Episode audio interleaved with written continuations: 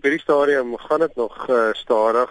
Ons het uh, verlede week gebruik waar die vakbonde ons vir onderskeie eise gemotiveer het. Hierdie week het die Kamer van Mynwese terugvoer gegee op ons eise en 'n openingsaanbod gemaak, maar dit was onderhewig daaraan dat elke mynhuis afsonderlik 'n uh, finansiële aanbieding doen oor hulle finansiële stand van sake en hulle uh, eie vooruitsigte. Vandag gaan ons nog voort uh, waar die laaste paar mynhuise finansiële aanbieding sal doen en dan sal ons 'n finale terugvoer kry want ons is ongelukkig met maandag se terugvoer het ons baie gebrekkige terugvoer gekry op ons eise en aangedring dat ons vandag volledige terugvoer uh, wil kry so uh, ons sal dan maandag sal die vakbonde eers weer in 'n posisie wees wat ons weer kan reageer op die terugvoer van die Kamer van Mynwese se kant af, maar um, op hierdie stadium is die spanning stadig maar seker om op te bou. Wat is die atmosfeer rondom die onderhandelingstafel? Ja, Susan, ja, ek dink dit was juist die strategie van die Kamer van Mynwese om juist die onderhandelinge so bietjie te vertraag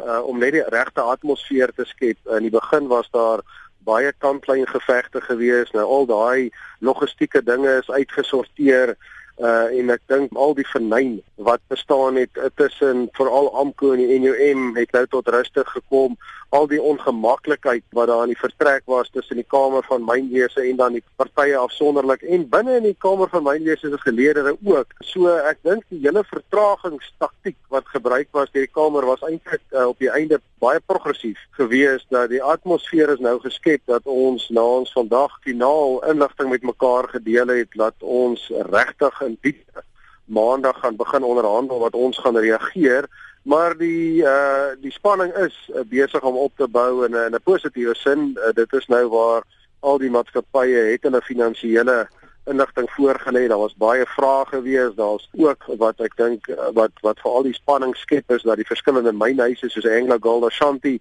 en Sibanya wat die twee groter mynhuise uiteenlopende aanbiedings gemaak het en en dit is uiteraard reeds van die vakbonde dat, dat ons warm onder die kraag het. Anglo Gold Ashanti het 'n oomblik aanbod gemaak van 6% waar Sibanya wat spog dat hulle die grootste myn is met die meeste kontant. Slegs 'n 5% openingsaanbod gemaak het en dit gaan nou verder vandag op die spits gedryf word voordat ons impik ons posisies uh, herbesin. Maar dit beteken maar net die hele beginsel van kollektiewe bedinging en veral sentrale kollektiewe bedinging word nou bedreig as die mynhuise nou afsonderlike aanbiedings maak wat totaal teenproduktief gaan wees.